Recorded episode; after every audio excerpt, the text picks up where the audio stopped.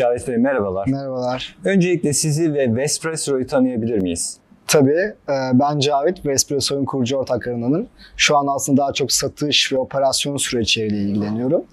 E, Vespresso olarak şu anda 12 kişilik bir ekibiz. E, Buna hem beyaz yaka mavi yaka olarak dahil düşünebilirsiniz. E, Vespresso aslında şu an işletmelerin, genel müdürlüklerin, otellerin, kafelerin düzenli olarak kahve atık yönetimi yapıyor. Daha sonra bu işlemi tesisine getirerek kahve atıklarını ileri dönüştürüyor ve plastik sanayinin, paketleme sanayinin ve son tüketicinin kullanabileceği çeşitli ürünler ve biyo ham maddeler üretiyor. Sürdürülebilir kahve atıklarını değerli malzemeleri dönüştürme fikriniz nasıl ortaya çıktı? Aslında şöyle, e, bundan yaklaşık e, 3,5-4 yıl önce bir kafede ben barista olarak çalışıyordum. Aslında o zamanlar bir girişimim vardı ama e, o girişimim hani yavaş yavaş ölmeye doğru giderken aklımda zaten birkaç fikir vardı. Bunların arasında kafede çalışırken şunu fark ettik. Bizim kafemiz çok fazla yabancı müşteri geliyordu. O sırada da işte 2019-2020 daha çok böyle tek kullanımlık plastik pipetlerin veya tek kullanım ürünlerin yasaklandığı bir zamandı. O yüzden herkes aslında çevreye biraz daha duyarlı olmaya yavaş yavaş başlıyordu. Bu tarafta kafeye gelen müşterilerden şunu duyuyorduk. Ya ben bambu pipetim var bunu kullanabilir miyim? Veya kağıt pipet yok mu? Tabii ondan sonra çok fazla ortaya çıktı ama o zamanlar herkes plastik kullanıyordu ve bunu da benimsemişti. E, bu algıdan sonra aslında yavaş yavaş bu alanda bir şeyler yapmak istediğimi fark etmiştim. Bizim dükkanımızda, kafe shop'umda, yani çalıştığımız kafe shop'ta e, bir plastik atıkları çıkıyordu. İki de kahve posaları. Yani biz dükkanı kapattıktan sonra gidiyorduk plastikleri atıyorduk. Sonra kahve posalarını atıyorduk. Bizim de Volkan abimiz vardı. Bize dedi ki ya bunları gübre yapılıyor. Ya bunları gübre olarak kullanalım. Ben de o sıra merak ettim araştırdım yani kahve atıklarından neler yapılmış diye. Ee, Kore'de bir şirket kahve atıklarını presleyerek tepsi yapmışlar. Dedim ki ya pipetler şu anda çok hype olan bir konu, bilinen bir konu şu anda. Neden pipet üretmeyelim? 2019'un Eylül ayında aslında fikir buradan doğdu. Kahve atıklarından pipet üreteceğiz diye. Yani şu an çok farklı yerlere evrildi. Şu an plastik ambalaj üretiyoruz. Birçok ürün üretiyoruz. Şu an yüze yakın ürün ürettik süreçte sürekli pivot olduk ama e, işin çıkış kısmı aslında bu şekildeydi. Bu e, ürünlerin çeşitlerini biraz duyabilir miyiz acaba? Tabii. Neler var bunların içinde? Aslında günün sonunda biz bir biyoplastik ham madde üretiyoruz. Yani bunu herhangi bir ayakkabı çekici üreten firma alıp ayakkabı çekici üretebilir. Duş jeli kapağı yapan bir şirket duş jeli kapağı yapabilir veya bir Türk kahvesi makinesinin kaşığı da olabilir, araba parçası da olabilir. Günün sonunda bir plastik ham maddesi enjeksiyon makinelerinde hepsine kalıba gir- girebilir. Ve biz %90 kalıpla çalışabiliyoruz. Yani çok esnek ambalaj vesaire olup bazen onlarda problem yaşayabiliyoruz. Artı olarak kendi portföyümüze eklediğimiz ürünler de var. Şirketler bunları welcome kitlere koymak için kendi genel müdürlüklerindeki sürdürülebilirlik hareketleri ve stratejiler için kullanabiliyorlar. Bunlardan tek kullanımlık pipetler, çok kullanımlık e, keza bardaklar. Bunun gibi çeşitli ürünler yapabiliyoruz. Ve mevcut ürünlerde şu an tek ve çok kullanımlık olarak yaklaşık 10'a yakın ürün. Ham madde kapsamında da 20 sektöre yakın sektör grubuna hizmet edebilecek ürün ve e, ham madde portföyümüz mevcut. Az önce biraz bahsettiğiniz zaman ben detaya inmek istiyorum. Neden atık dönüşüm alanında bir fark yaratmaya karar verdiniz? Aslında şöyle baktığımız zaman e, şirketlerin genel müdürlüklerinde eğer bir yemekhane yoksa gerçekten büyük orandaki organik atığını kahve posarı yaratıyor. Yani kahve çay gibi değil dünyanın her yerinde tüketilen bir e, organik sınıftaki bir e, emtia ürün. Bu yüzden bir kere global bir atıktan bahsediyoruz. İkincisi kahve atıklarının dünyada sadece %1.2'si geri dönüştürülüyor. Yani düşünün ki birinci sırada petrol, ikinci sırada ticaret yapan ürün kahve. Bu kadar büyük tüketilen ürünün aslında dünyada %1.2'si çok düşük rakamla e, geri dönüştürülüyor. Biz ileri dönüştürüyoruz. Yani ileri dönüştürmek ne demek? Tekrardan kahve atığını günlük hayatta bir nesne olarak, bir ürün olarak tekrardan hayata döndürmek demek. Geri döndürmek ise biraz daha e, alt sınıf bir ürün yapmak, belki daha değerli az bir ürün yapmak. Bizimki daha da katlı değerli bir ürün oluyor. Atık dönüşümünde bir de şöyle bir şey var. Türkiye'de yeni yeni regülasyonlar çıkıyor. Zaten Amerika'da, Avrupa'da bu çok daha yaygın. İnsanlar artık kafalarına göre atıkları sokaklara, dışarıya atamıyorlar. Bu yüzden de aslında bizim için çok kıymetliydi. Ama asıl önemli olan bizim için e, çay mesela global bir atık değil. Evet yerel bir üretim var. Biz çay tedarik ettiğimizde şehir Rize'den gelsin diyelim ve gerçekten bize gelene kadar çok küçük bir karbon emisyonu yayıyor. Ya yayıyordur ama çok küçük oluyor genelde. Ama kahve rakımın çok yüksek olduğu yerlerde yetişiyor. Bize gelene kadar Kenya'dan, Etiyopya'dan inanılmaz bir yol kat ediyor. Biz de bunu bir dakikada demleyip aslında çöpe atıyoruz. Ee, o yüzden de asıl çözmek istediğimiz sorun bu tüketimi bir atıkla çözmek. Bu yüzden de aslında kahve atıklarıyla plastik atıkların çözümü oluyoruz. Harika bir hikaye. Peki Vespresso'nun kahve atıklarını çözünebilir plastiklere dönüştürme sürecini Bize anlatabilir misiniz? Bu süreçte hangi teknolojiler kullanılıyor? Tabii. Aslında şöyle bir biz teknoloji şirketiyiz. Aynı zamanda da bir biyoteknoloji şirketiyiz. Yani hem plastik, kimya, malzeme tarafında bir know-how'umuz var. Hem de bir e, teknoloji, atık yönetimi ve bunların raporlaması tarafında bir teknolojimiz var. Aslında şöyle oluyor. Bizler genelde bir şirketle, otelle veya Horeca sektöründeki yani otel, kate, catering tarafıyla tanıştığımız zaman şirketlerle önce bir tanışma toplantısı yapıyoruz.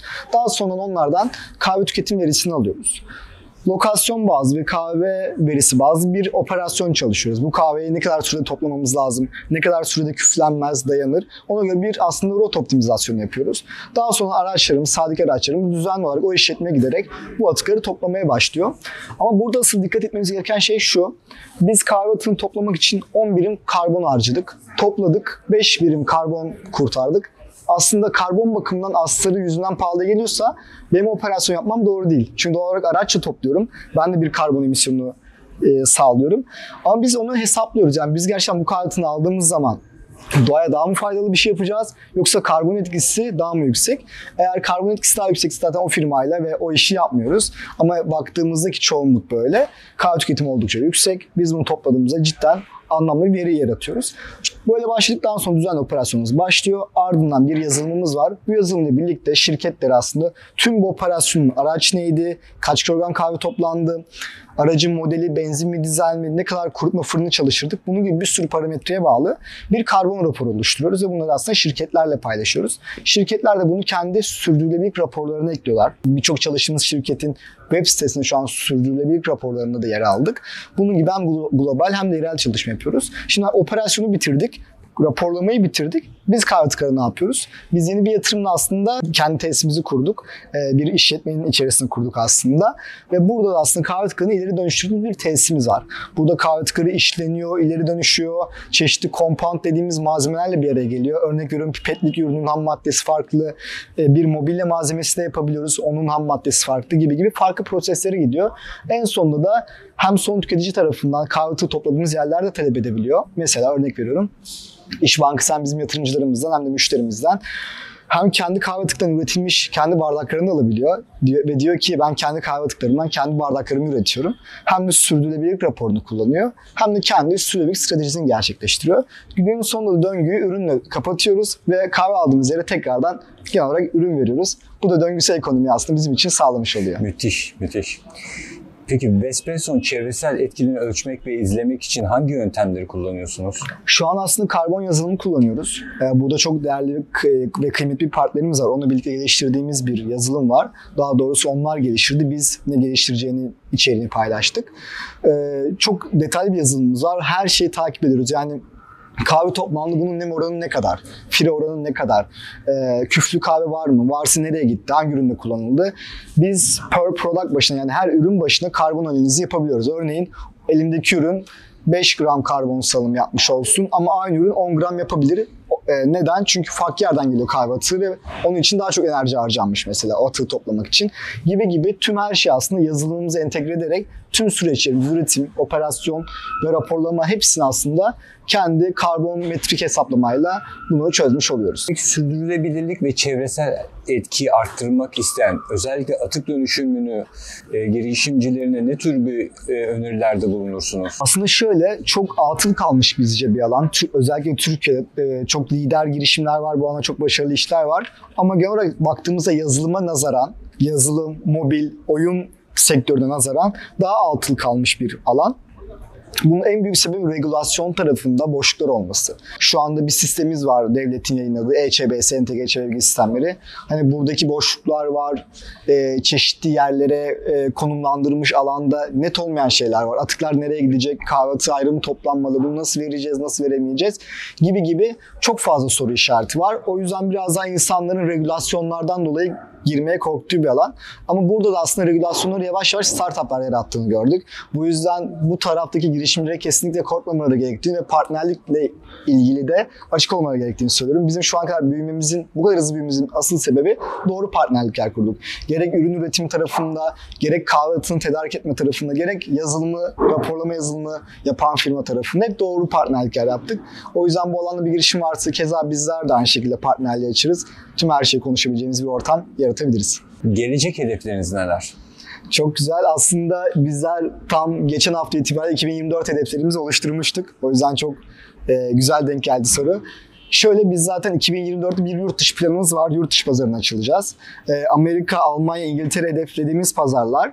Şu anda da e, umuyoruz ki İngiltere ile bir e, başlangıç olacak. Belki de MENA bölgesinde de bir farklı e, bir operasyon için görüştüğümüz bir yerde var. MENA bölgesinde ayrıca Dubai, Katar olarak girilebilir.